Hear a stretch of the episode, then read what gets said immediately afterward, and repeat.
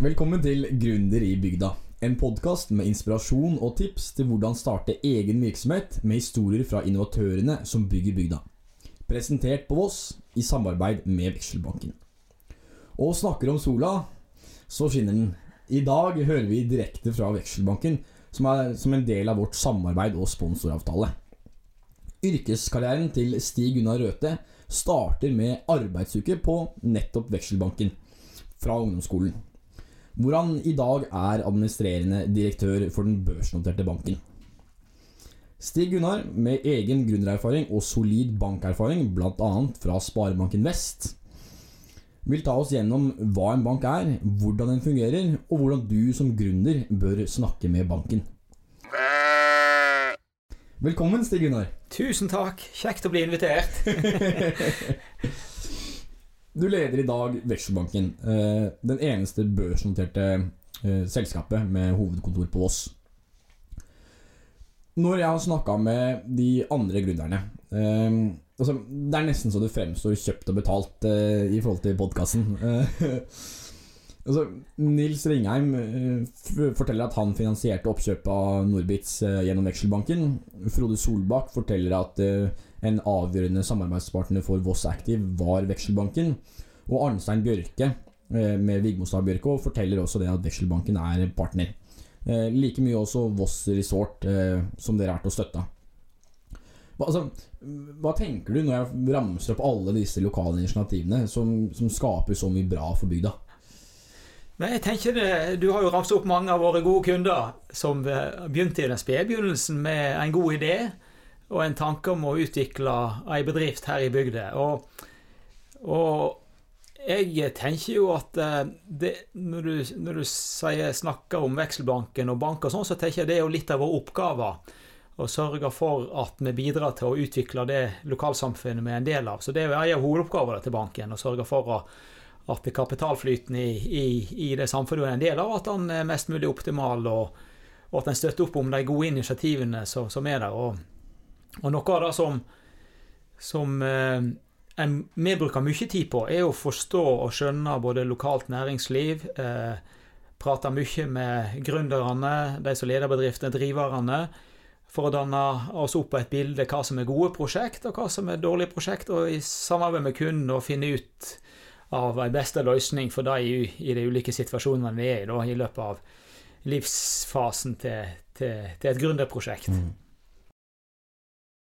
De fleste har et forhold til hva en bank er. Eh, likevel tror jeg får en forståelse for hvordan en bank sånn i praksis fungerer. Altså, kan du forklare forretningsmodellen til en bank? Ja, jeg skal prøve altså Så enkelt forklart så kan du si at eh, altså, eh, en bank kobler jo da de som er innskytere, altså de som har sparepenger som de vil plassere trygt i, i en bank eller en plass, og så yter vi kreditt til de som har behov for, for finansiering når de skal investere i nye prosjekter, utvikle. Så det er en det, det er kobling mellom at det finnes overskuddslikviditet i samfunnet som vil spare, og da sparer en gjerne i bank, iallfall en del av det. Og så er det da noen som har behov for mer kapital for å realisere prosjektene. Så det kjerneoppgavene til bank er jo, er jo da å yte kreditt på den ene sida, og, og sørger for å håndtere innskuddsmidler på en sikker og trygg måte for innskyterne. Og så har vi òg en viktig oppgave i forhold til å ivareta eh, betalingsstrømmene mellom, mellom eh, både private og private og, og private og bedrifter. Og så sørge for at betalingsformidlinger er mest mulig effektivt og, og, og eh, fungerer på en, på en effektiv og rasjonell og kostnadseffektiv måte for både for brukerne og for, for bedriftene. da. Og etter hvert så er jo en bank bankene blitt mer av sånn finanshus, da, så en har jo etter hvert òg begynt med Eller eh, i FNSB i begynnelsen så har en òg etter hvert begynt å tilby kundene an, andre produkter som faller inn og naturlig under økonomisk rådgivning, f.eks. For forsikring og eh, fondssparing, eh, eh, ulike typer betalingskortløsninger. og og det er òg naturlige forretningsområder for en bank i dag, da, å ha tilknytta produktet til kjerneproduktet, som egentlig da er innskudd og utlån. Men når du investerer i en, i en i et hus eller en bil, så har du behov for en forsikring. og mm. Derfor er det naturlig overfor bankene å tilby den type produkter. da, og Det gjør vi òg i dag. Mm. Så blir det på mange måter en totalleverandør, da. Ja. Og, og, og selve forretningsmodellen baserer jo seg på at eh, eh, når vi da får innskuddsmidler, så betaler vi renter på dette. her, Mm. og Nå er den veldig låg. Eh, det er jo en ulempe for innskyterne. Men så, så låner vi disse pengene ut til en litt bedre rente. Mm. Eh, eh, og, og det er den marginen, da, den rentenettoen, som er, som er hovedinntekten til en, en tradisjonell bank. da. Den differansen mellom utlån og, altså, utlån og innskudd. Det er det. Veldig enkelt forklart. Og så er det slik at vi har jo mer av utlånet vi har innskudd, så en del av, av det gapet vi må finansiere med, med innlån fra det profesjonelle investormarkedet, da, som henter inn en god del kapital ved å gå ut og legge ut såkalt eh, obligasjonslån til investorene, så de kan investere i gjelden vår. da. Og så betaler vi renter til investorene på dette. her. Ja, og da er det slik å forstå at ofte norske huslån er veldig attraktivt eh, på det private eller profesjonelle rentemarkedet. Det er helt rett. Og det er fordi at eh, eh, altså Norge har jo vært et samfunn med en stabil vekst og stabil utvikling over lang tid. Mye takket være selvsagt oljealderen og det det har medført. Folk har relativt lav arbeidsløse, god lønnsutvikling. Og ergo så har eh, det var veldig lite tap på utlån til private Mm. eh, personer. Så det, er da typisk eh, eh, lån med liten risiko. Og når det er liten risiko, så kan bankene prise det med veldig gunstig rente. Mm. Så det er jo sånn at en bank òg må jo ta betalt for den risikoen du tar i, i, i den finansieringen du, du gjør. da. Mm. Og som du sier, så er utlån til private husholdninger, bostadlån, det, det har over tid vist seg å være veldig god risiko for bankene. Mm. Og holdt jeg på å si Snakker om bank altså, Vekselbanken har et navn som skiller seg ut fra andre banker. Ofte så er det sånn sparebank dit, sparebank datt. Eh, men det henger kanskje sammen med altså, formålet og historien bak banken. Kan ikke, du, altså, kan ikke du forklare det med at dere er jo gjerne en forretningsbank, mens andre er sparebanker? Kan du forklare litt rundt det? Ja. Nei, Vi er jo nesten en kuriositet, for vi er en av de, de eh, små forretningsbankene som har overlevd alle bankfusjonene som var opp igjennom. da. Banken ble stiftet i 1899, og da, da var det næringslivet på Voss som tok initiativ til å stifte, stifte banken, fordi at eh, den lokale sparebanken da ikke gav de nok finansiering. da. Det var utgangspunktet. De mente de, den lokale sparingen ikke tok nok risiko, så da stifta de en egen bank, og da stifta de som en aksjebank. Så de utstedte, for å få egenkapital til å komme i gang med bankdrifter, så utstedte de aksjebrev, og så var det da næringslivsfolk i bygda som da kjøpte aksjer og fikk nok egenkapital til at de, de kunne begynne da bankvirksomheten. Så det var starten. Og siden så har en vært en aksjebank, da. Og så er det slik at eh, veldig mange av aksjebankene har jo blitt kjøpt opp eller fusjonert med andre banker opp gjennom i, i bankhistorien. da. Mens eh, Vekselbanken vi har klart å overleve som en selvstendig bank, og det er mye takket være at vi har spesielle vedtekter som, som, har, eh, ja, som gir noen begrensninger i forhold til dette med stemmerett og, og, og som egentlig er en form for oppkjøpshinder. da. Ja, for, vi kan jo snakke litt kort om det at Hvordan er banken uh, organisert? Altså, det, det er en børsnotert bank. Hva, hva betyr det i praksis? Ja, Det betyr at vi, vi da er eid av aksjonærer, som er en, en 100% aksjonæreid bank. Eh, og eh, det er slik at vi har da tilgang til Hvis banken har behov for mer kapital for å vokse, eh, så er det to måter vi kan skaffe det på, sånn i hovedsak iallfall. Og det er ved at vi eh, sørger for at vi legger til side en del av overskuddet i drifta eh, på egenkapitalen vår, så da får vi mer av kapital som vi kan låne ut i neste omgang. Den ene måten. Og den andre måten er at vi kan hente kapital i investormarkedene, som gå ut på, på eh, og utstede flere aksjer, slik at flere kan kjøpe da eh, eh, nye aksjer i banken, og så får en da en økt egenkapital, og da får en en større såkalt utlånskapasitet. da. Eh, I motsetning til sparebanker, da, som er eid av eh, eller som, som, som er sjøleide, da. Altså de har ikke tilgang til, til investormarkedet på samme vis som en forretningsbank eller børsnotert bank. da. Så det kommer noen hybrider med dette med egenkapitalbevis i sparebank òg, men iallfall hovedskillet går på, på, på måten en kan finansiere opp banken for å håndtere vekst Mm. og, og eh, tilgang til ulike kapitalmarkeder. da. Ja, ja ok, ja. Og, og på vi kommer litt tilbake til dette med eierskap og begrensningen til det. Men Vesselbanken er del av Eika. Hva er det? Eika det er en allianse av eh, vel 60 lokalbanker rundt omkring i hele eh, landet. Og den alliansen den fungerer slik at de, bank, de lokalbankene da, de har funnet ut at det er gunstig for at de skal kunne fortsette som selvstendige banker, at en samarbeider om en, en del eh, eh, fellesfunksjoner. Da. Så en har bl.a. felles innkjøp, en har felles eh, datadrift i forhold til datasentral. Eh, og så har en gått i lag og etablert felles produktselskap innenfor forsikring, som har Eika Forsikring. Og vi har Eika Kapitalforvaltning, som tilbyr da type fondsparingsprodukter. Eika eh, kredittbank, som tilbyr kredittkort, og vi tilbyr også leasing. Og det er typiske produkter som vi ville vært for små og leina til å kunne lage produktselskapet på. da. Men når vi går i lag med veldig mange andre, så får vi, blir vi store nok til at jeg kan ha den type produkt, egeneide produkt i porteføljen. Ja, ok, ja. Så, så alliansen samarbeider med sånn òg mye på i forhold til å utveksle kompetanse. Vi har felles eh, utdanningsopplegg innenfor dette med sertifisering av rådgivere. Og vi har en del spisskompetanse som, som vi ikke har du si, mulighet til å tilsette hele stillinger i lokalt, men som må vi går lag med mange andre, så kan vi tilsette spisskompetanse, folk med spesiell kompetanse innenfor en del områder som, som vi ellers ikke ville hatt mulighet til, til å alene. da. Ja, Og mye er jo innenfor dette med I dag så er jo dette med IT-utvikling og digital utvikling og, og forretningsutvikling eh, type funksjoner som, som det er viktig at vi eh, følger med og klarer å henge med de andre bankene og storbankene i landet på. og da- Det kan vi gjøre gjennom at vi samarbeider og alliansen på den type prosjekt.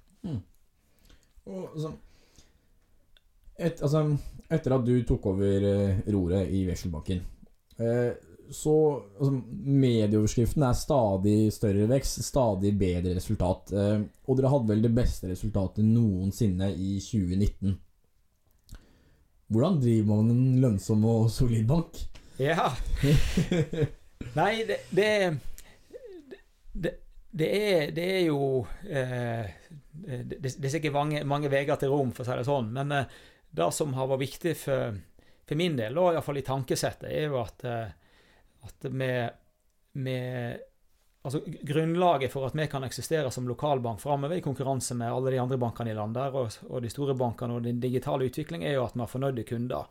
At vi har et eh, kall det gjerne betjeningskonsept da, som, som gjør at kundene er fornøyde over tid. Og da, da er jo det er jo grunnlaget for at du har et eksistens framover, at du klarer å ha fornøyde kunder. Og da har vi, vi har jo vår beste bank i, i Eika i kundeundersøking nå i tre år på rad. Så, så, så der, der har vi klart å lykkes med måten vi tilnærmer oss kundene, og måten vi betjener de på, følger de opp og gir de service på. Så det, er et- der tror jeg har vært nøkkel nummer én. Og så eh, gjennom at vi har fornøyde kunder, så får vi ambassadører, og da får vi gjerne nye kunder, altså vi får vekst. Eh, og vekst er jo alltid positivt for en bank, fordi at det er jo sånn at vi kan som regel vokse veldig mye i, i utlån eh, eh, eh, og innskudd eller forvaltningskapital uten at vi må tilsette flere folk. Sant? For at Ja. systemene og løsningene betaler vi for uansett. Så, så for hver krone vi vokser, så er det som regel eh, om ikke én til én, så iallfall du, du, du, du øker inntektene med den veksten du klarer å skape. Iallfall til et visst nivå til du må fylle på med mer av system og, og, og folk. Da. Så, så, så vi har hatt en god vekst eh, med basis i fornøyde kunder. Og så eh, er det jo å drive en bank som å drive en annen, annen bedrift, at du må hele tida se etter muligheter, eh, tenke eh, altså endringsledelse. Hvordan kan vi da effektivisere, øke produktiviteten, gjøre ting smartere? Kundene endrer seg hele tida. Du må være på hugget og og, og sørge for at du hele tida endrer måten du, du driver det interne livet i banken på, slik at du kan, du kan, eh, kan, vi, kan ta ut de kostnadssynergiene effektene du kan gjennom teknologi. Så det har vi brukt eh, både mye tid og ressurser på. Blitt mer effektive, øka si, forholdet mellom dette med kostnader og inntekter mm, betydelig de siste årene.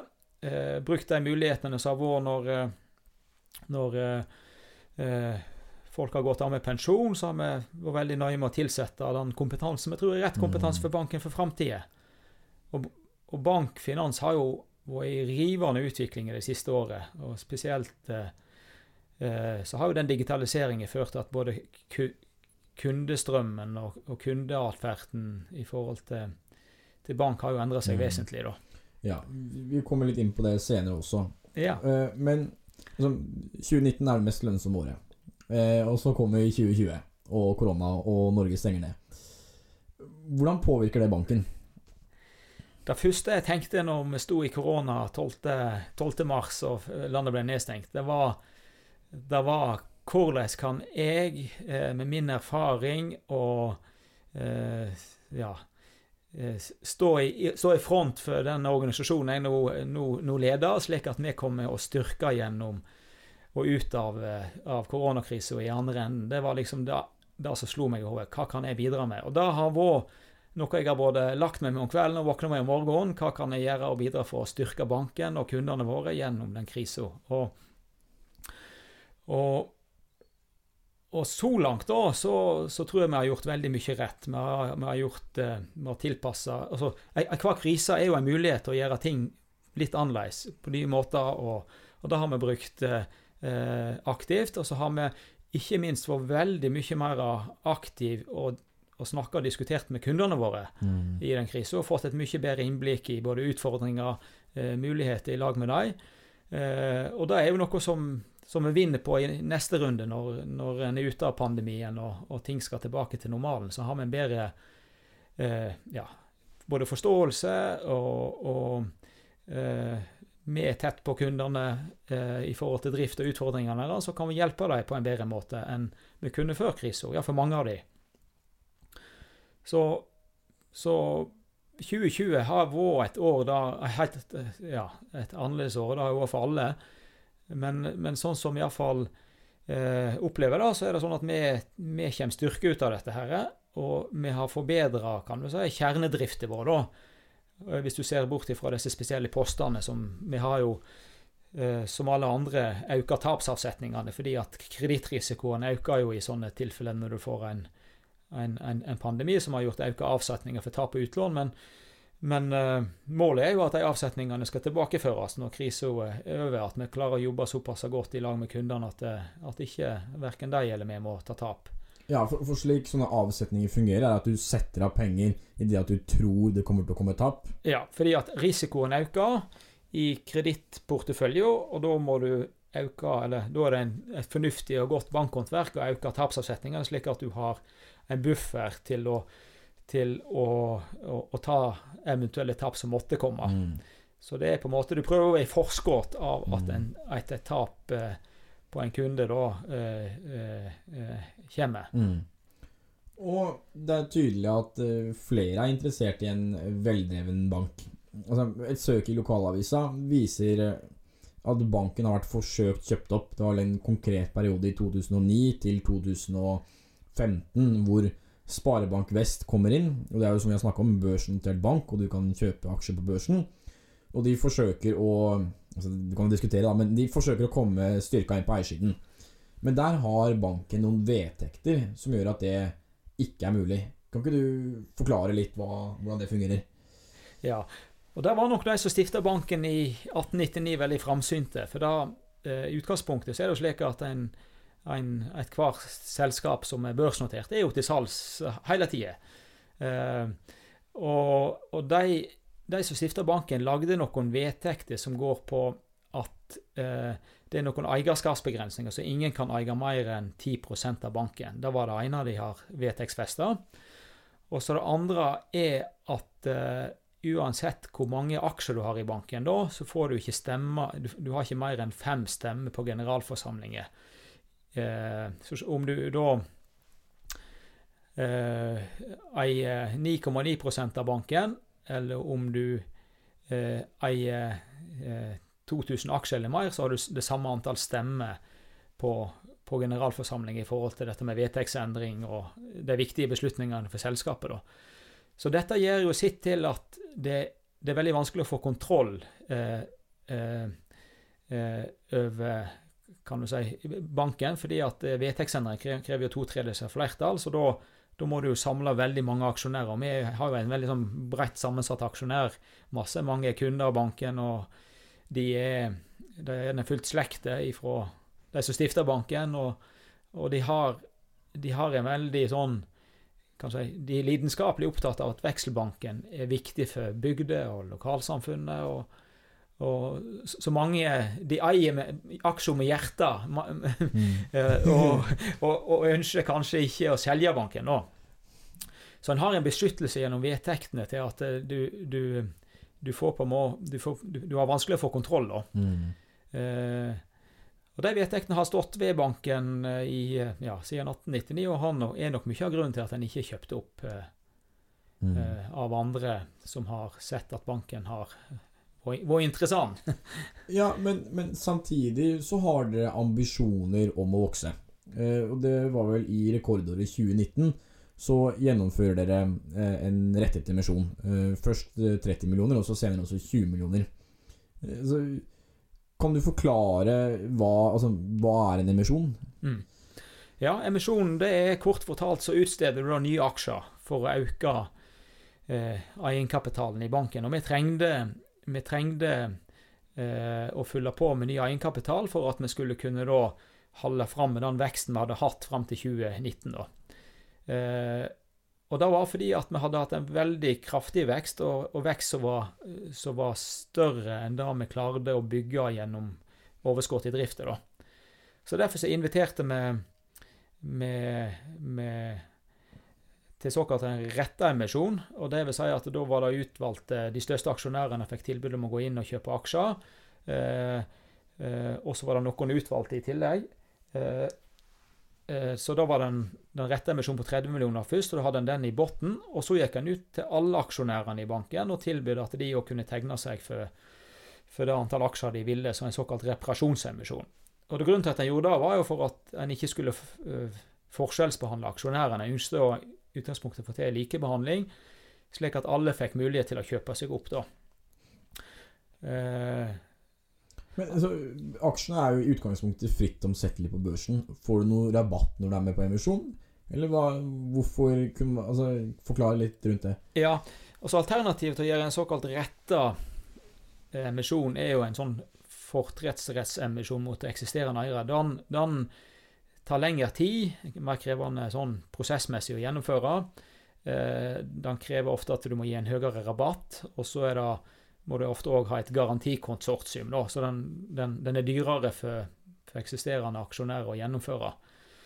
Mens den, den uh, rette emisjonen vi gjorde, da, den er både raskere og rimeligere for aksjonærene, og rabatten blir mindre. Og Da så vi at den rabatten vi fikk, eller måtte måtte gi for at, at en skulle få med seg tilstrekkelig antall aksjonærer, da, den var eh, på nivå eller under gjennomsnittet av det som var for den type emisjoner da, mm. historisk.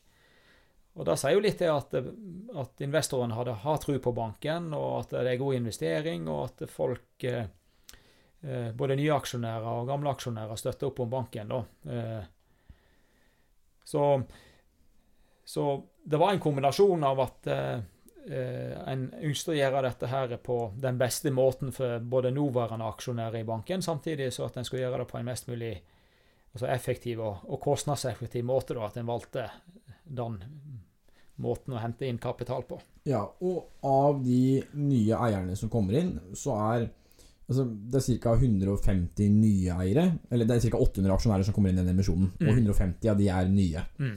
Og totalt i banken så er det ca. 2000. Hvem er disse aksjonærene? Hvem, hvem, er en typisk eh, eier av vekselbanken?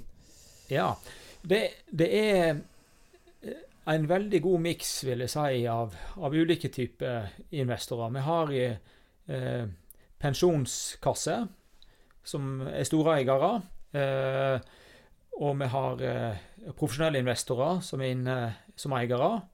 Eh, og så har vi den store mengden av aksjonærer er jo kunder i banken, altså vossinger, eh, som har et forhold til, til banken og vekselbanken i historien vår. Eh, og så har vi òg eh, noen småinvestorer da, som har sett at, eh, at vekselbanken eh, vi, vi, vi, har jo som mål å gi tilfredsstillende avkastning for de som har investert i oss, eh, og konkurransedyktig i forhold til banker på vår størrelse. Så det, da, da tror jeg investorene har sett etter. Og så én ting til da, eh, som jeg tror har vært attraktivt for, for, en god del, er at vi har en såkalt prisbok som er langt under én. Mm. det er sånn at hvis du, hvis du Veldig enkelt fortalt, da, så kan du si at vi har prisbok rundt 0,6. Ja, og Det vil si at du, du egentlig kjøper ei krone for 60 øre. Så I forhold til de bokførte verdiene, da, som er billige aksjer, men så kan du si at uh, litt av grunnen til at vi er billige, er disse her eh, oppkjøpsbegrensningene. Mm. Så vi er, ikke, vi er typisk ikke en bank som enkelt kan bli kjøpt opp på andre. og Du, du får ikke den uh, du, du, får, du, får, en rabatt pga. Mm. Av de, de begrensningene som ligger der. da. Mm. Og altså, snakke om altså, tilhørighet Altså, du vokser opp på Ås, du kommer fra Ås. Du, er, du er 68-kull. Eh, altså, det er en historie om at din første arbeidsuke eh, på ungdomsskolen, så får du være i banken. Eh, og daværende banksjef gir deg en eh, kniv eh, for uka du har hatt der. Og det er vel lokalavisa som senere, når du blir innsatt, eh, skriver at den, altså, den daværende banksjefen uh, skjærer fremtiden din, eller skjærer yrkeskarrieren din inn med den kniven. Kan ikke du fort, fortelle litt om det? Ja, nei eh, eh det historie. Nei, det, det, var jo sånn, Vi hadde jo arbeidsveker, og det har de vel nå, tror jeg.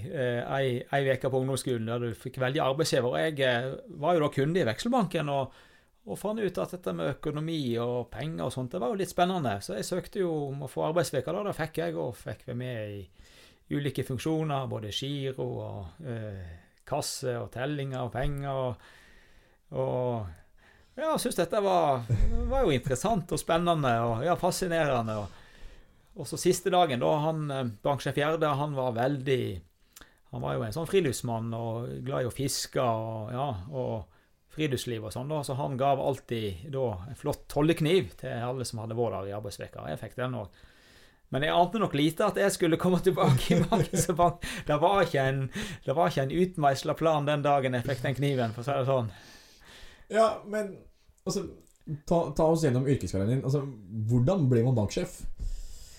Ja, jeg tror jeg har vel en litt sånn utradisjonell bakgrunn i forhold til det som historisk sett har, har vært banksjefer rundt omkring i, i landet. De, har, de, fleste har nok gått, gått på Handelshøyskolen, og så, ja eh, Gått an veien. Jeg begynte jo på NTH i Trondheim. Eh, ble da sivilingeniør innenfor eh, data, informasjon og kunnskapsbaserte systemer. Og så, og så var det vel det var veldig tilfeldig. Jeg begynte i Anderson Consulting i Oslo, da, som heter Accenture, som konsulent, og begynte der å jobbe for Bankenes betalingssentral, som det heter den. De som drev med, drev med oppgjør for bankene på giro osv. En del tjenester rundt det. Og drev med utvikling av programvare for dem. Og da var min første fot innenfor bankbransjen, da.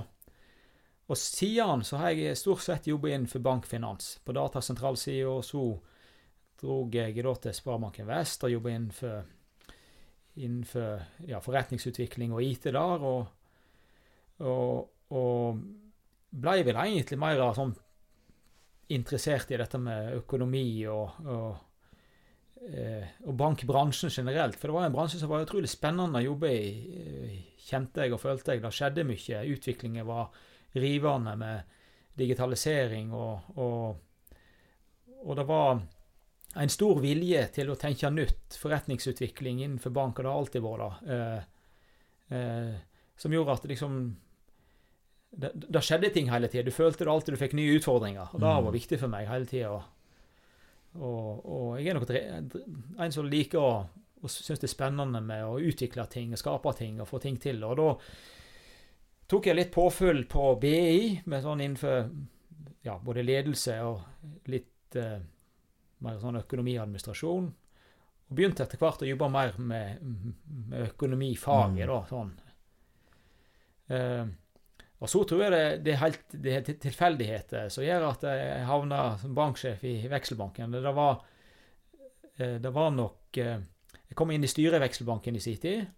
Ja, når gjorde du det? Det var da i, mens jeg var i Skigutane. Ja, vi kan bare kort før vi går videre. Fordi skiguttene altså, Historien der er jo morsom. Altså, skiguttene er jo altså, den gjengen som står bak Kari Traa og agenturet på Bula. eh, Og bygger opp etter hvert et ganske stort selskap der.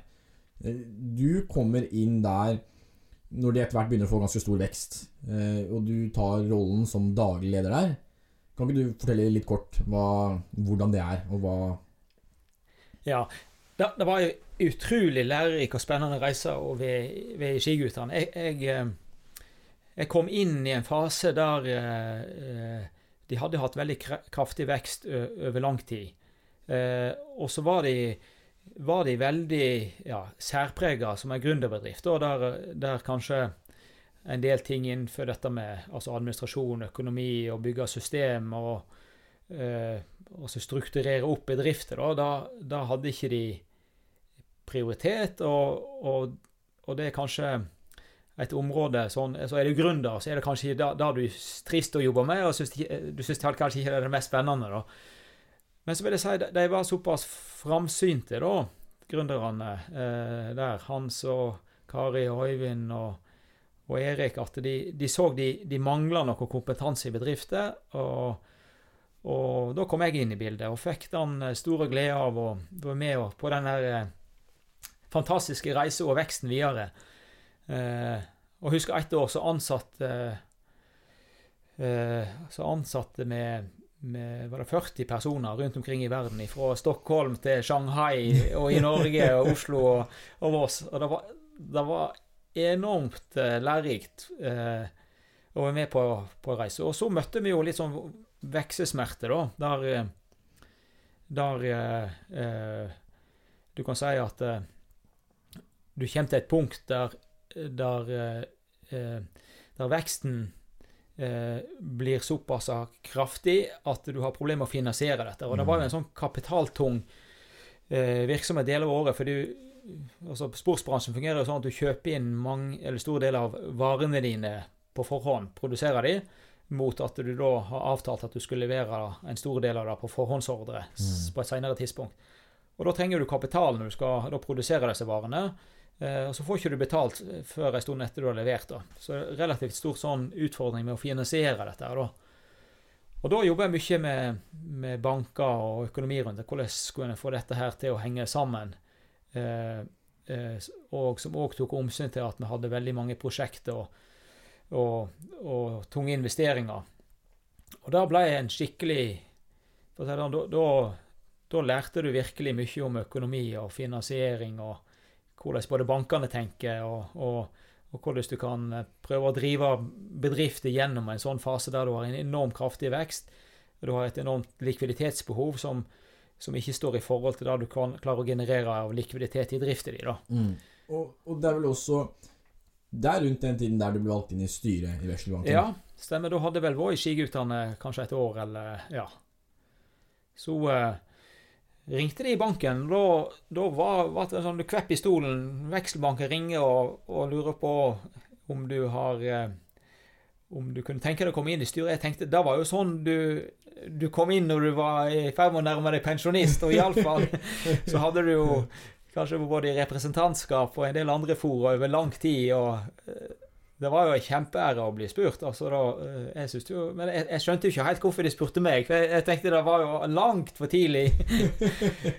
men så skjønte jeg jo da at de altså Den gang òg så tenker jeg at Vekselbanken var framoverskuende og framoverlent. De, de skjønte vel kanskje at det var det var en endring i bankfinanser som gjorde at de hadde behov for litt yngre krefter, og kanskje litt nye krefter, og noen som tenkte litt annerledes enn det de kanskje alltid hadde gjort. Men hva, hva så de i deg, tror du? Nei, det var det, Nei, jeg, jeg hadde jo kanskje hatt eh, eh, ei Altså, jeg, jeg hadde jo en bakgrunn og ei sånn yrkesmessig erfaring som sikkert var interessant Mm. eh, for banken, da. Eh, og så kjente jeg jo bransjen med at jeg hadde jobba mye innenfor bankfinanssektoren.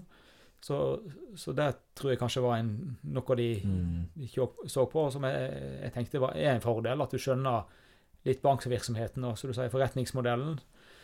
Og så var det vel da òg at, eh, at eh, jeg eh, var i et altså, Jeg tror nok da at jeg var i Skigutene òg. Helt sikkert var Jeg talte iallfall ikke Mm, negativt. Og da mm. var jeg i bedrift som, som var kunde av banken, og som hadde hadde mye å si for utvikling av kan man si, det industrieventyret som, som Bula og skiguttene ble på Voss. da. Mm. Og, og sånn, bare for å avslutte det da. Altså, du er daglig Jeg tror du er daglig leder på det tidspunktet hvor Altså, dere har disse vekst, vekstkampene, og dere, altså, dere finner en ekstern kjøper, Active Brands med Kjetil Holta, eh, kommer. Eh, og det er vel ikke et rent oppkjøp, det er vel noe fusjon, emisjon av noe slag, er det ikke det? Ja, det er, du kan si de, eh, en del av de eksisterende eierne blir jo med videre. Mm. Eh, og så går eh, Active Brands inn og kjøper ut en del av eierandelen deres, da, og tilfører òg selskapet eh, viktig eh, kapital for videre vekst. da. Mm. Så, så Var du daglig leder på det tidspunktet? Ja, så Ja. da jeg var med i hele den prosessen med due diligence og Og det var eh, Ja, det var et, et enormt arbeid eh, å på en måte få få gjort den duligensen og strukturert opp eh, det som var nødvendig for å få den transaksjonen i boks. Mm. Men utrolig, igjen, utrolig lærerikt. Det, det er jo sånne ting du ikke lærer på skolen. på en måte. Du må liksom ha stått i det og erfaringer for å, for å skjønne hva, hva det går i. Og jeg er utrolig glad for at jeg fikk med på den reisa i dag, da. Og har den ballasten med meg når jeg sitter som, som ansvarlig vekselbank igjen. Ja, fordi, fordi altså, Tilbake til bank og kanskje det med oppstartsselskaper. Altså, du har erfaringen fra oppstartsselskaper, og du kjenner næringslivet på Voss godt. Eh, Altså øh, Hva består næringslivet på Voss av? Altså, hva er typiske bedrifter? Hva Beskriv litt næringslivet på Voss. Voss er nok heldig i forhold til mange lokalsamfunn eh, rundt omkring i landet ved at en har et veldig bredt sammensatt næringsliv. og Ikke noe sånn hjørnesteinsbedrift som står, alt står og feller på og henger kanskje oppi. Eh, de næringene som, som er, kan kanskje dominere eller ser tyngst på Voss, da, de er nok innenfor bygg og anlegg. Så har en mange virksomheter og er store, og mange flinke aktører. Eh, og så har en reiselivet. Eh, altså alt fra hotell til, til eh, Voss Active og vårs Rafting Center og Vindtunnelen og alle de som er innenfor det segmentet. Og som har vært i veldig vekstnæring i de siste åra. Eh, Myrtdalen fjellandsby og Voss Resort og ja. Og så har en òg eh, Voss er et regionsenter for handel i Indre Hordaland, så handelsnæring òg er, er stor her. Med alt ifra kjøpesenter til butikker og byggevarer. Og, og så under dagen da, så er det, er det veldig mye spennende på vår, sånn som jeg opplever det. Altså, du har jo jordbruket, som har fått sin renessanse i pandemien, og, og velfortjent til det. Det er jo en viktig næring fortsatt i bygda.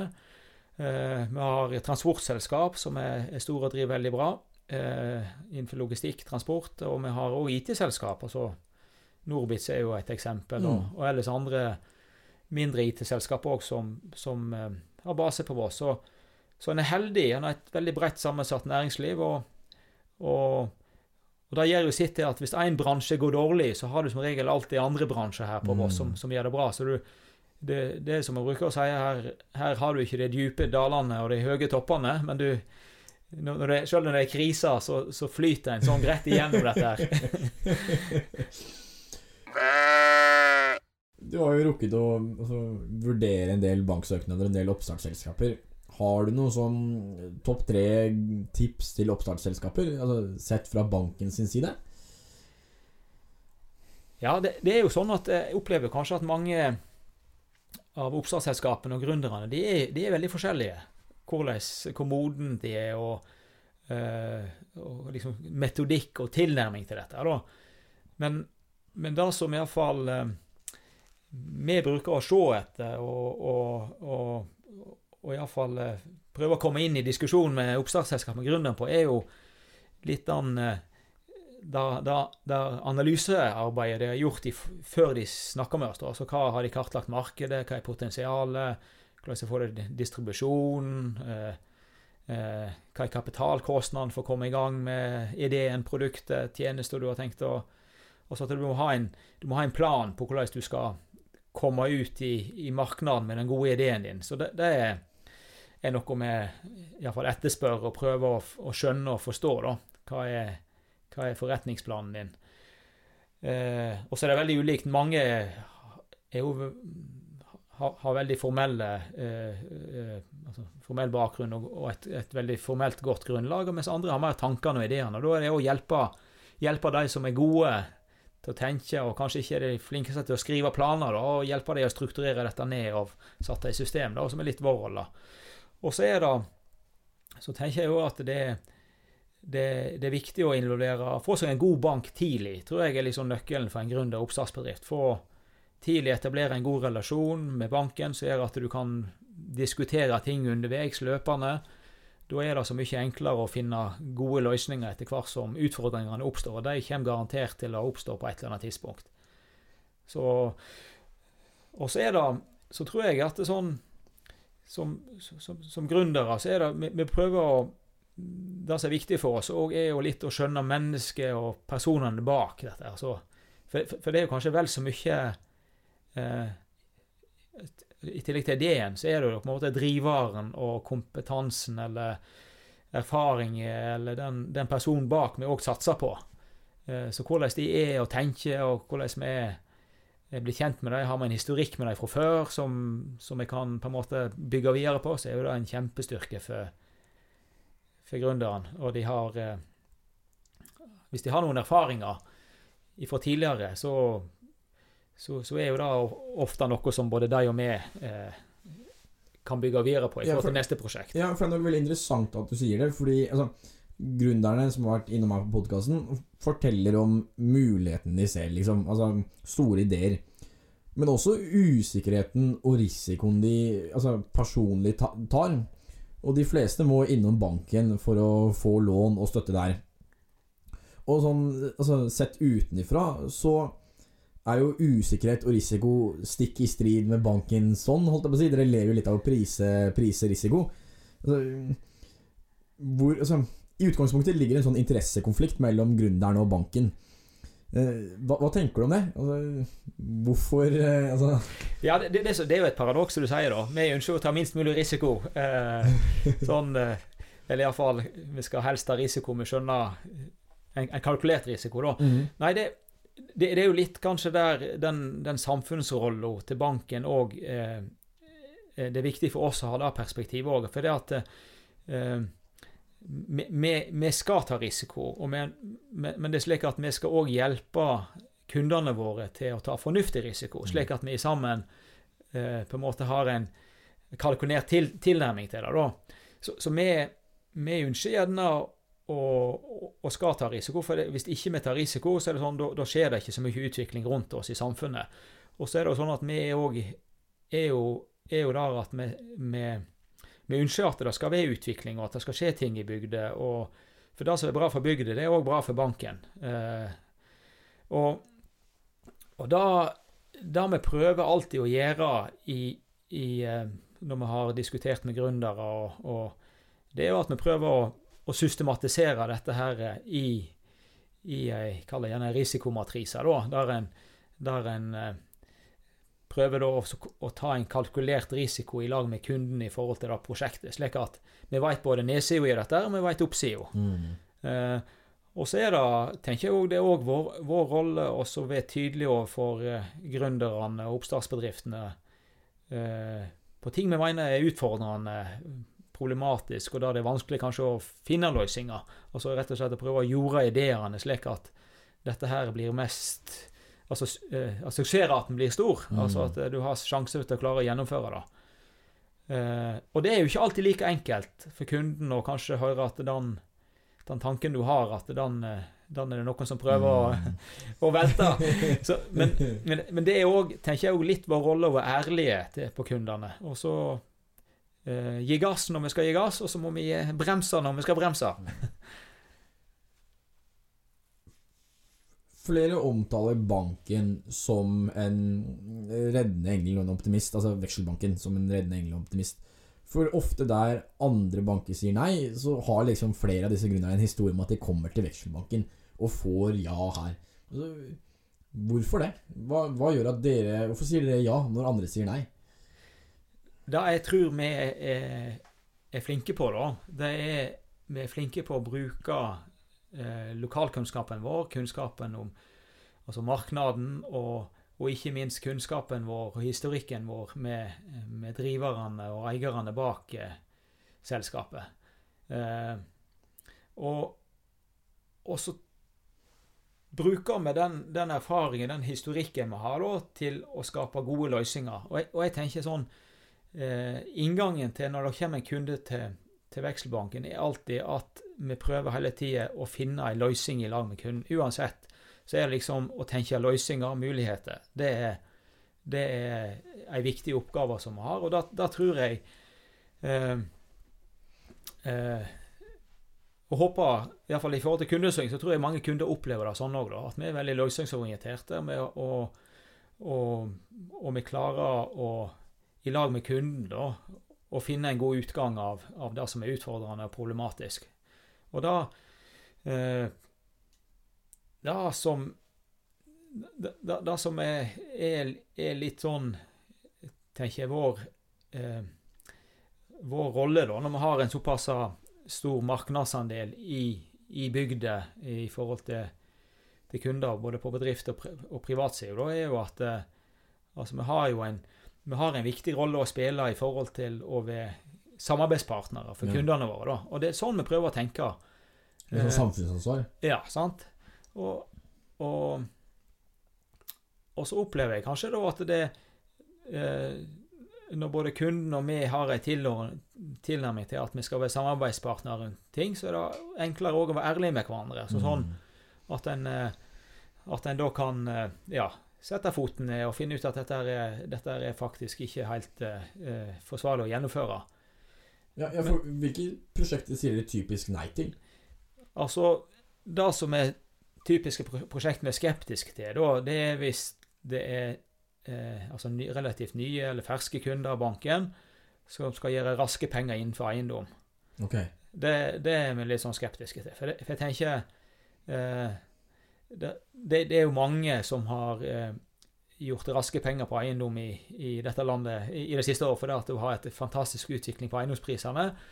Og så er det etter hvert veldig mange hobbyinvestorer som kaster seg på, og som Kanskje er litt sånn inspirert av at andre har tjent penger på eiendom, og så skal de gjøre det sjøl, da. Og da, da er jo noe som bidrar til lite verdiskapning i, i, eh, i, i bygder, sant? Ja, ok, ja. Altså, ja. altså sånn, eh, men, men og jeg tenker dette med eiendomsutvikling Det er en profesjon, da òg. Altså, du, du, skal være god på det for å få det til over tid. Du kan være heldig å kjøpe et bygg til en rimelig inngangspenge og eie det noen år, og så får du gevinsten ved at eiendomsprisene har steget såpass mye når du selger det. Men, men, over tid så er dette med eiendomsdrift og eiendomsutvikling det er en profesjon som, som krever kunnskap og innsikt. og, og med den type kunder da, som skal aller helst låne, låne mest mulig, eh, og, og, som skal da kan du si, ta ut gevinsten ved at eiendomsprisene stiger, og kanskje refinansiere eh, etter en par år øke gjelder for å eh, skaffe en egenkapital til neste prosjekt. Og det er vi skeptiske til. For vi, vi tenker som så at eh, det må være risikodeling mellom banken og, mm. og kunden. da. Så og, og ja, jeg Sett det litt fra et annet perspektiv. Hvilke prosjekter sier du typisk ja til? Det er typisk eh, kunder må ha en god historikk med over, over mange år, og som er kommet der at de skal ekspandere, utvide, eh, investere. Da er det sjelden vi sier nei. Altså, mm. det, for da, da tenker vi vi har et veldig ansvar for å hjelpe de kundene som vi har, og som har god historikk med, i forhold til at de skal kunne utvikle seg og vokse og skape nye arbeidsplasser og utvikle bedriftene sine. da. Ja. Og vi snakka litt om dette samfunnsansvaret, samfunnsansvaret. Og Vekselbanken sponser mange lokale initiativ. Altså, Vi kan jo trekke fram barneski, tråkkemaskin, klatrepark, ordførerkjede og løpestafett, og, og nå jaggu også podkast. Altså, hva tjener dere på disse prosjektene? Vi, vi gjør det først og fremst med hjertet, og, fordi at eh, vi har et ansvar eh, til å støtte opp om gode eh, eh initiativ i bygda som bidrar til å sette bygda på kartet, og som gjør det til en trivelig og god plass å leve og bo. Da, da, da er det som, som, er utgangspunktet vårt for at vi, vi ønsker bredt å støtte alt som innenfor lagsliv, kulturliv, idrett, og som har en stor grad av entusiasme, frivillighet og, og dugnadsinnsats i seg. Og, og, eh, og så tror jo vi at, at da, da, at vi da støtter opp om disse gode initiativene fra alle de flinke folkene rundt omkring som, som er lidenskapelig opptatt av noe, og som da trenger litt støtte for å få dette her i gang, eller vi tror at det er med på å kanskje bringe det gjeteordet om at banken er en, eh, en bevisst i samfunnsansvar og støtte opp og bidra til utvikling i det lokalsamfunnet vi er en del av. da. Mm. Så vi tror jo at eh, altså Vi har jo ikke liksom sånn at vi skal jo liksom ikke ha avkastning på alle disse midlene vi gir. Det, det, det, det er ikke sånn vi tenker når vi gir det. Vi gir det med hjertet, men vi tror jo at over tid så vil dette her eh, komme banken til gode ved at eh, en får ambassadører, og at en ser at kanskje er det bedre å bruke Vekselbanken, som er en sånn lokal bidragsyter der jeg er, enn å bruke en eller annen bank eh, som ikke bidrar med verken eh, eh, sponsorat eller, eller, penger i bygda her til frivillighet eller lagsliv og organisasjon. da. Mm. Så så jeg ønsker med podkasten å inspirere ungdommen, spesielt her i bygda, å starte selskaper og bidra til verdiskapning. Altså, hvilke argumenter ville du gitt til ungdommen for å starte selskaper her på Voss kontra en av storbyene? Hvorfor skal man være her på Voss? Jeg tenker Det er jo bare å se ut glasset her. Det, det, det er jo det er jo ikke en bedre plass å bo og leve enn å være på Voss, da. Eh, du har alle, alle muligheter, og, og, eh, det er god plass, og det er fritt, og du kan drive med omtrent eh, alle mulige aktiviteter som du kan i en by. Da. Så, så tenker jeg, det, er jo et argument i seg sjøl, da. Og så tenker jeg at, at, at Voss er Vi har en nærhet til Bergen, også til, til, til storby. Og det er en det er, en, det er en spennende plass å utvikle ting, fordi at eh, eh, du har nærhet til Bergen, og så er det òg et logistikksenter da, i forhold til transport med både hjemmebane og, og, og bil. Og, eh, så, så, det er jo et fantastisk utgangspunkt hvis du har på en måte fysiske varer som du skal produsere og, og, selge. Og så, og så tenker jeg at eh, eh det er jo en plass eh, Selv om det er dyrt med, med å kjøpe hus her òg, eh, så, så, er det en plass er billigere å, å bo og leve enn f.eks. Oslo. da. Mm. Og da du har har òg eh, et lønnsnivå da, som er, er, mer fordelaktig i forhold til det du har i Oslo. Så det blir billigere å bo og leve, du har, du har et, et, litt lavere lønnsnivå. Men, men, i sum nå så, så, tenker jeg at, uh, at du har du har liksom alle muligheter med å å gründe ei bedrift her og vokse eh, eh, med de aller fleste produkter og tjenester. Eh, mm. Og iallfall innenfor de bransjene som der Voss har enten naturgitte forutsetninger eller er sterke, så er jo, er jo også et kjempeutgangspunkt. Mm. Eh, og der du har et enormt nedslagsfelt og kundegrunnlag òg i, eh, i, nærområdet ditt. da. Mm. Se for deg at uh, Stig Gunnar er 20 år. Uh, hvilke karrieretips ville du gitt til deg selv? Ja, å, det var et vanskelig spørsmål. Nei, jeg, jeg, tenker Jeg tenker det, det, det må være veldig en karrierevei der du føler du har et engasjement, noe du interesserer deg for, noe du brenner for. Det tror jeg er viktig for alle. Drive med noe du syns er, er, spennende, og ja Som, som gir deg noe. Eh, Uh, utover det at du får lønn hver måned. Mm. uh, og så tror jeg det, det, det som er viktig, eller iallfall det jeg har sagt til meg sjøl mange ganger, at det, det, eh, det du skal drive med, det må du drive med helt og fullt, og så må du sørge for at du blir god i det. Mm. Altså sørge for at du får en kunnskap, og, og at, du, at du blir så god at du blir attraktivt for andre som skal da vurdere kompetansen eller ansette deg. Mm. At du gjør det interessant på det viset. da. Det, tror jeg er viktig. Og så er det eh, ikke, det, det har det kjekt på veien. Altså Mm. eh, eh, Og så ved, ved Ja. Det jeg ikke tenkte så mye på når jeg, når jeg skulle velge ut, det var jo liksom hvor jeg ville leve og bo. Så Det er jo egentlig helt tilfeldig at jeg kom tilbake til Vås, men jeg er jo veldig glad for det i dag. Men, eh, men, men det tenkte jeg jo ikke så mye på når jeg skulle ut. Jeg, eh, det var liksom ikke det som streifa meg, men, men eh, men det òg er jo sånn en, en verdi i dag, tenker jeg, sånn eh, med det samfunnet vi er en del av, så er det liksom dette med både miljø, bærekraft og frisk luft og Altså det, det, det er faktorer som noen av oss iallfall setter veldig høyt, da. Mm. Og, og, og, og som kanskje iallfall eh, når, du, når du vil, bli, vil du bli flygeleder, så er det liksom ikke en jobb Det Nei, er ingen, ingen jobb over oss. Nei. Det er så, når, jeg, når jeg lager denne podkasten, så sender jeg ut noen spørsmål og forbereder litt. Og jeg klarer ikke å dy meg hjemme og spørre. Er, jeg, du skulle ramse opp en fun fact om deg selv, eh, og, du, og du ramser opp altså, kan, kan ikke du fortelle en historien her? Jeg, jeg må ha deg med.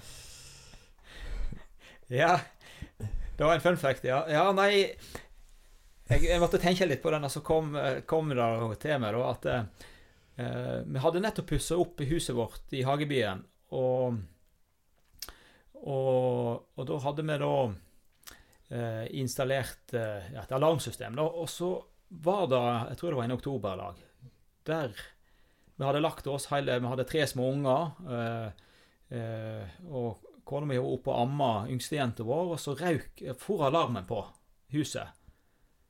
Og så eh, Og så sa kona Hun dylta i meg og fikk vekt meg. så du, 'Jeg tror du må gå ned, så, for, for nå er det noen i huset, for alarmen har gått', sa hun. ja, ja, jeg eh, Jeg eh, sto opp av senga og kledde på meg, og så var jeg på vei ned, og så så jeg da eh, da da for jeg inn i sånn militærbukser utenfor Vi kan se inn, inn, ned inngangsdøra, og der er et vindu da, oppe fra andre etasje. Der for det en kar, og så tenkte jeg jøsse navn, her er det jo folk. og, og så eh, sto jeg ute i gangen der, og så så jeg meg rundt Jeg må jo ha et eller annet jeg kan slå med, tenkte jeg. hvis hvis tyvene kommer opp her og skal ta både meg og kona og småungene våre. Så jeg fant et strykejern og sto klar i troppet der og bare venta på at disse her innbruddstyvene som var i, i første etasje, skulle komme opp. Og det gikk sikkert fem minutter. Jeg sto der og klarte å kaste med det troppet og slå med dette strykejernet, men det kom ingen opp. Men eh, etter en stund da, så fikk jeg ringt til politiet, og så gikk jeg nå ned i første etasje. og Da så jeg da, de hadde da brått seg inn et vindu, disse tyvene. Gått en runde i stua, og så hadde de gått ut eh, verandadøra. Men det er altså historien med meg og strykejern som skulle da fange, fange innbruddstyv med et strykejern i hånda. Det er bra. Og altså Det som startet som en bedriftsbank, er i dag også blitt en solid privatbank. Eh, Hva er ban har banken noen gode tips Altså, Hva er bankens tre gode råd til privatkunder? Altså, Hvordan er man en god privatkunde for banken? Ja, Vi har jo så filosofi å være en menneskeorientert bank. Det vil si at eh, eh, kundene som kommer til oss, de skal møte dyktige rådgivere. Eh, vi har f.eks. ingen sånn trykk 1, trykk 2 på sentralbordet. Når de ringer til oss, så møter de ei, en ansatt i banken, en stemme, en person å snakke med, og ikke sånn talemaskin og trykk 1, trykk 2. Og det er fordi at vi tenker vi, vi skal være en bank for de kundene som ønsker å snakke med noen mennesker når de står overfor viktige økonomiske avgjørelser, eller de trenger hjelp til med et eller annet, eh, nettbank, mobilbank eller god service. Og så tenker jeg da, rådet til kundene må jo være at de bruker banken og rådgiverne sine i de situasjonene som det er naturlig at de snakker med banken. Eksempel da er det store altså livshendelser, eh, store investeringer en skal gjøre, eller det har skjedd ting, eh, både positive ting eller negative ting i, i livet, så, så snakk med banken i forhold til å få hjelp til å ta de gode økonomiske beslutningene. da. Så det er det ene. Bruk banken og bruk rådgiverne. Det tror jeg eh, alle har nytte av. Og det andre er Jeg tenker at eh, er det én ting vi banker er litt sånn skeptiske ting, er jo hvis vi ser at eh, vi skal vurdere en lånesøknad, og så ser vi at eh, kunden har betalingsanmerkninger. Da er det sånn, da lyser det litt rødt. Altså, hvorfor har ikke kunden kunnet gjort opp for seg? Mm. Det er forpliktende kunder, så, så det vil jeg eh, sterkt anbefale. Sørg for å betale regningene i tide, og unngå betalingsanmerkninger, for det er type rødt lys hvis du skal søke om finansiering i bank. Eh, ja, og det siste må jo være at eh, eh, vi, vi, vi bankfolk er jo kanskje litt sånn Vi tenker på risiko, iallfall. Om ikke helt risikoaverse, det er vi jo ikke, men, men jeg tenker det er alltid en smart og god løsning å ha minimum én månedslønn i buffer på sparekonto. Da kan du takle alle de uforutsette utgiftene som skjer på, på veien din med at hvis oppvaskmaskinen ryker, eller ryker en eller annen dyr del på bilen, så kan du klare å, å, å ta det gjennom oppsparte midler og slippe å gå og ta opp dyr forbruksgjeld, som du ikke bør gjøre, da. Vi, vi øh, kommer til å snakke litt om det avslutningsvis òg. Men altså, banken er stadig i endring, og det kommer nye produkter hele tiden. Eh, sånn for privatmarkedet så er altså, pensjonssparing og aksjesparekonto to konkrete nye ting eh, privatpersoner må forholde seg til. Kan du forklare litt kort hva de to er? Ja. Det som kom, kom eh, for noen år siden, var jo aksjesparekonto. Og da, det er jo et resultat av at eh, eh, altså Norge har jo en utfordring med å finansiere framtidige pensjoner. Sånn at den, den, den, delen som vi vil få gjennom folketrygde, da, den vil være relativt sett mindre framover i tid. fordi at eh, det er ikke nok yrkesaktive til å finansiere alle de framtidige pensjonistene på det nivået som det har vært før. da. Så, og da må jo folk spare mer. Og så var dette med aksjesparekonto var jo da eh, noe som ble innført, slik at en skulle kunne eh, legge til rette for, for eh, altså langsiktig sparing i form av aksjer og, og, fond på en mer sånn skatteeffektiv måte. Slik at aksjesparekonto fungerer jo sånn at du kan da putte inn et, et, beløp som du vil investere. Kan du investere det i enten enkeltaksjer eller fond. Eh, og så kan du da selge og kjøpe fond underveis i den spareperioden uten at det utløser skatt. Så du kan ta ut skattefritt det du har satt inn av innskudd på den, den aksjesparekontoen, men all avkastningen da, den, den kan jo du eller, skattefritt investere igjen. Og så er det først når du tar ut disse midlene da, fra en aksjesparekonto at du må skatte av gevinsten. Så det er en form for utsatt skatt framover i tid. Og det er jo for å, for å, stimulere folk til å kunne spare langsiktig eh, på et litt annet eh, Eller ikke bare banksparing, for når bankrenta er så lav, så mm. så er jo det en utfordring med at eh, hvis du regner inflasjon og renta på en banksparekonto og skatten på rentene, så, så, har, du, så har, du, negativ rente. Så, så det er litt staten sin måte å oppfordre sparing i aksjer og aksjefond? Ja, og stimulere gjennom at en har den eh, skattefordelen med utsatt skatt. Så det, det, kom først, og så kom dette med egen pensjonssparekonto. Det kom jo nå. Og det, det er òg et, eh, et, eh, et, initiativ eh, som går på da at en, at en ser at mange har jo i løpet av et arbeidsliv bytta arbeidsgiver. Og så er det slik at da, da får du ei, ei fripolise eh, som du eh, eh, som du måte, eh, eier, men som du ikke får ut før du blir pensjonist. Og så får du veldig mange sånne små sparebeløp da, rundt omkring for tidligere arbeidsgivere. Så er det slik at eh, de som forvalter disse her før deg, de tar et administrasjonsgebyr. Så det går, veldig, går relativt sett mye vekk i administrasjonskostnader eh, hvis du har veldig mange sånne. Så dette var en måte kundene kan samle alle, all pensjonssparingen sin i én pott, eh, jo én forvalter. Og så er det slik at da får du redusert den administrative kostnaden med å forvalte den samla oppsparte pensjonskapital.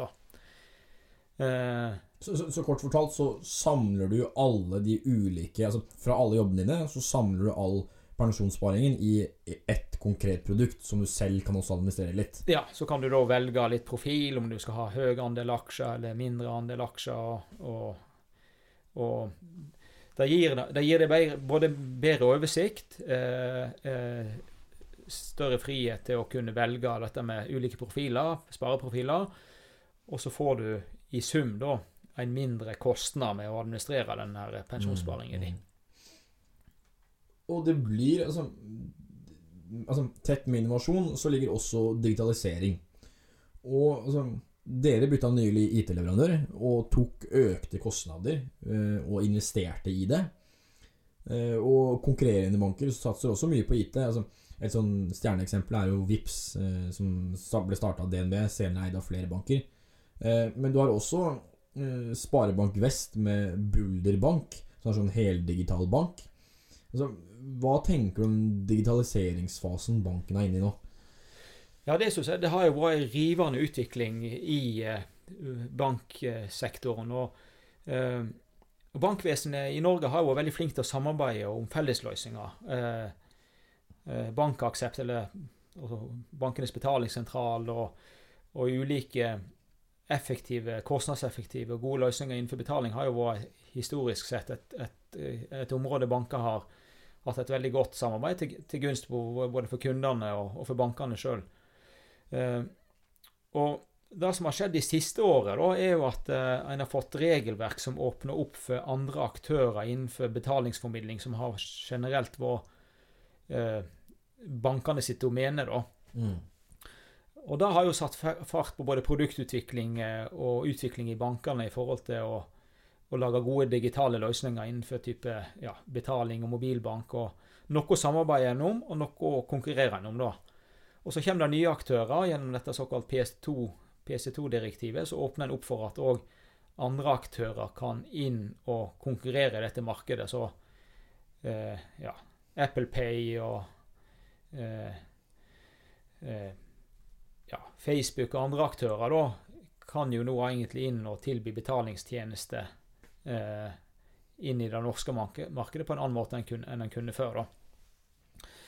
Og dette presser, eller driver jo innovasjon i bankene òg. Og, og den digitaliseringen som en har sett og ser i banker, den, nok, den vil nok ingen ende ta. da. Men, men det jeg tror iallfall eh, eh, Enn så lenge da, så har iallfall bankene en stor fordel med at eh, altså vi, har en historikk og vi har en tillit blant kundene da, som en har kunnet bygd, eh, bygd på og ut, utvikla relasjoner på, og som gjør at i en del sammenhenger da, så opple opplever kanskje eh, kundene banken som den trygge eh, havnet og, og en plass du kan få både god og, og, og, eh, eh, og nyttig rådgivning i de, i de viktige eh, og store økonomiske avgjørende i livet ditt. da.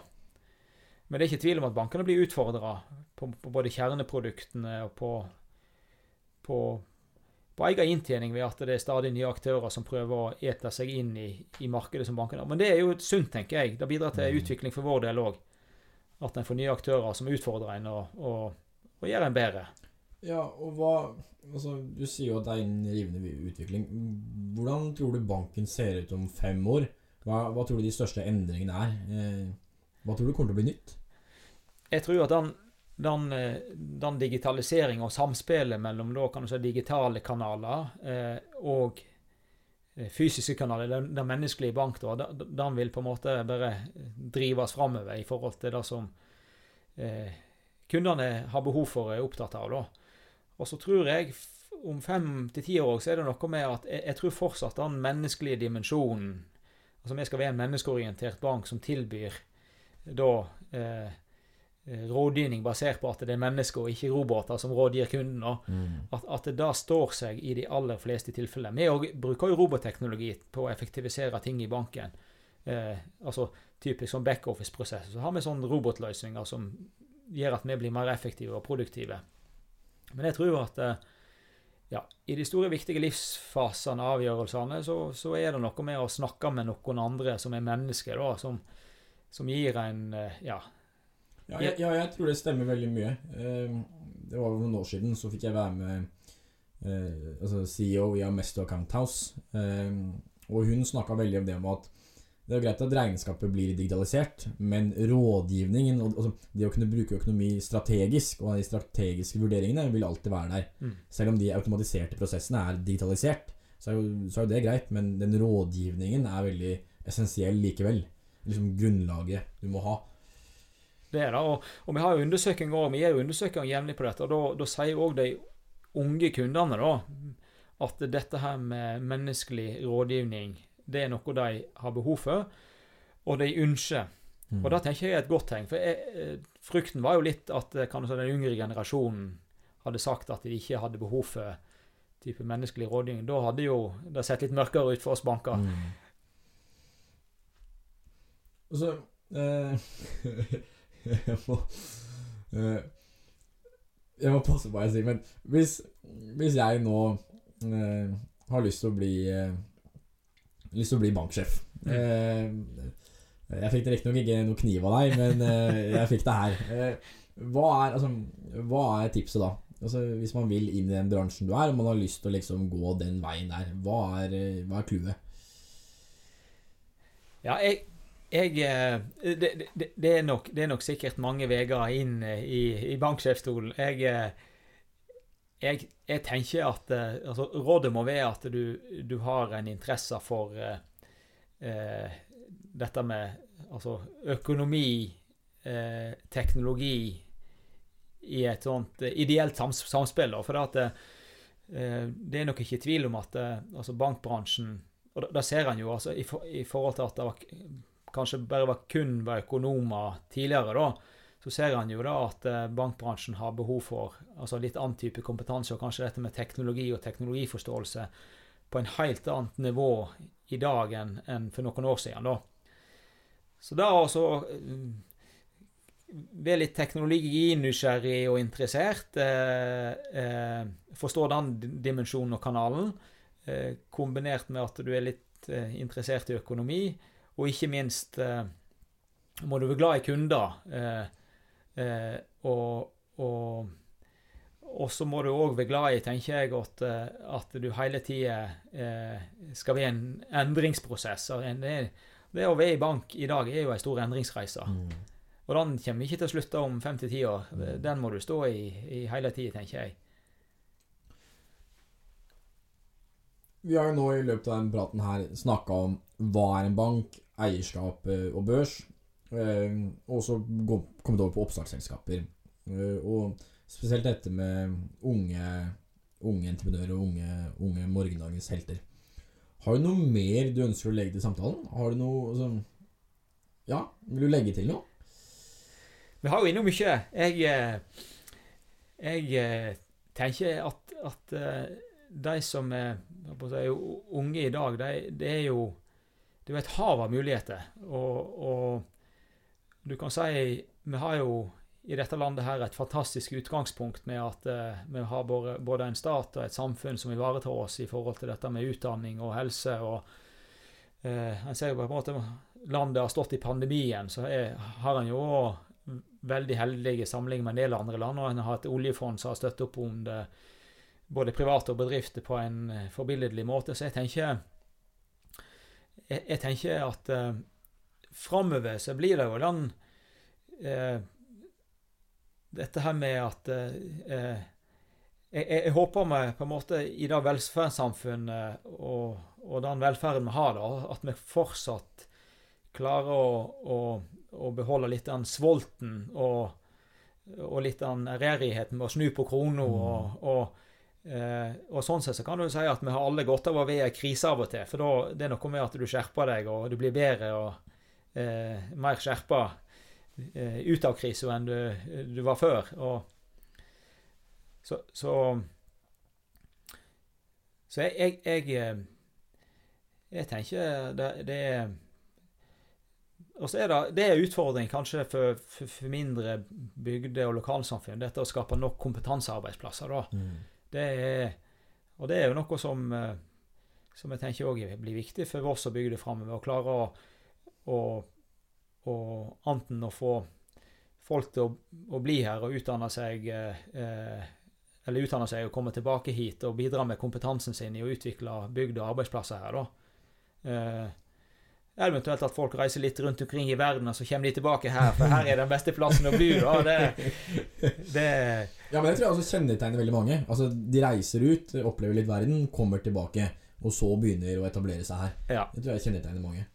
Det, nei, det det, var jo, det var jo litt sånn jeg, jeg eh, kom tilbake hit òg. Det var ikke planlagt, men det var litt tilfeldigheter. Og så nå i ettertid så er jeg veldig glad for at en fikk muligheten Mm. til å, å bidra med, med å Ja. Og jobba i mange spennende både bedrifter og, og hatt mange gode arbeidsplasser her i bygda som eh, Og brukt den kompetansen en har hatt og erfaringen hatt med seg fra både utland, utdanning og arbeidsgivere andre plasser. Ja, for altså, Du har jo vært gjennom mye. Altså, hva tror du er altså, den mest avgjørende faktoren for suksess for din del? Har det vært noen Nei, jeg, jeg tror da at da at jeg skifter Jeg har jo skifta arbeidsplasser. Iallfall tidlig i, i karrieren så skifter jeg arbeidsplasser relativt ofte. sånn. Eh, det, da var, tror jeg, for meg er utrolig lærerikt. For det at du, du, du, eh, du måtte tilpasse deg både nye bedrifter, kulturer eh, eh, Og selv om jeg var mye innen bankfinans, så var jeg òg innen offentlig sektor eh, og fikk eh, masse god erfaring derifra. Og da at du har du, har, du, du, du ser at du har klart å, å tilpasse deg både nye bransjer, nye bedrifter, eh, og, og klart å lære deg nye ting, eh, det, det gir jo på en måte òg en, en selvtillit til at du, du, du har fått bekrefta at du er omstillingsdyktig og endringsdyktig, og, og det er jo, tenker jeg, en, en kompetanse som, som er viktig å ha i dagens samfunn. da. For samfunnet og alt rundt oss er jo i rivende endring. og det å det å kunne både se og stå i det, og, og, og være trygg på at du får dette her til, da, selv om ting rundt deg endrer, det, det var iallfall en erfaring jeg fikk med meg med å på en måte bytte arbeidsgiver. og Jeg farter jo litt rundt omkring i landet. Jeg har jo bodd i Oslo og Trondheim og Bergen, så med alle de særpregene hver av de landsdelene har, da. Så ja. altså, Helt spørsmål avslutningsvis. Altså, hva, hva er du mest stolt av i løpet av yrkeskarrieren?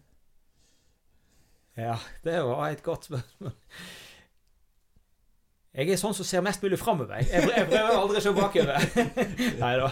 Jeg, jeg må lære av de, de erfaringene jeg gjør, men, men jeg er veldig, jeg er veldig framoverfokusert, det må jeg si. Så eh,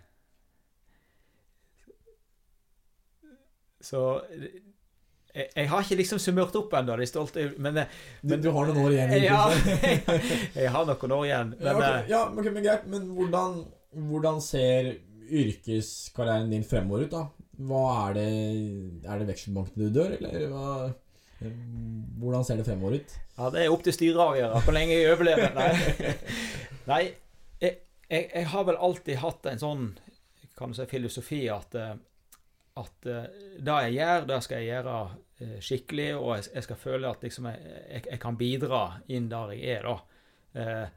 Og Den dagen jeg ikke kan føle, eller jeg føler jeg kan bidra til å utvikle vekselbanken mer, så tenker jeg at det er rett for neste å, å ta over. da.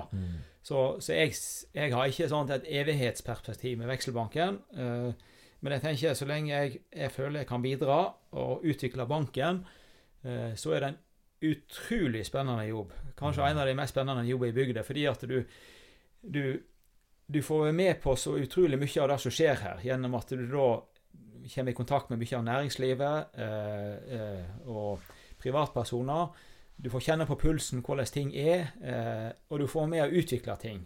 Og den gleden og den, den, de tilbakemeldingene du får da fra kundene om at, at, du virkelig har bidratt til at de har kunnet realisert planene sine, eller fått til det prosjektet, eller har utvikla bedriften sin, det, det, gir en sånn enorm boost.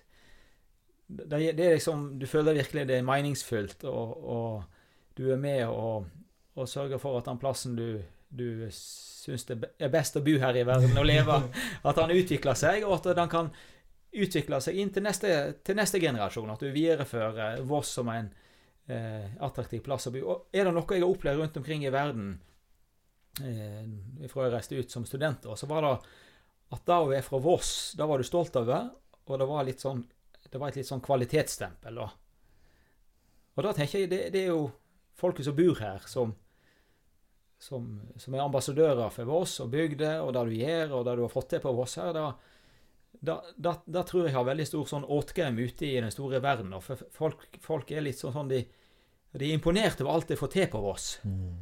For vi har liksom ingen rik onkel eller en sånn hjørnesteinsbedrift som, som, ja. som hjelper deg. Men det, jeg tror vossingene er kan si, de, de, er utrolig flinke å samarbeide når de er det. og så kan vi jo være litt sta og, og, og vrange òg når vi er det. Men, men sånn utad så framstår Voss som et veldig sånn glanseksempel på at det er bygg som virkelig får ting til i lag. Det er stor dugnadsinnsats, frivilligheten står sterkt med har festivaler, arrangement som på en måte har åtgaum ute i den store verden. da. Mm. Så Ja, det tror jeg egentlig er en veldig fin måte å oppsummere samtalen på. Eh, Voss er bygda Voss er bygda å være. Jeg må også avslutningsvis si tusen takk for at uh, dere har bidratt med podkasten. Eh, og den, uh, den, støtten og samarbeidet jeg har hatt med dere, har vært veldig givende og betyr veldig mye. Tusen takk. Det var veldig gjensidig, og vi er veldig glad for at du inviterte oss inn til dette. her Så dette her, ja, er gjensidig med glede. Tusen takk for praten, Stig Gunnar. I like måte.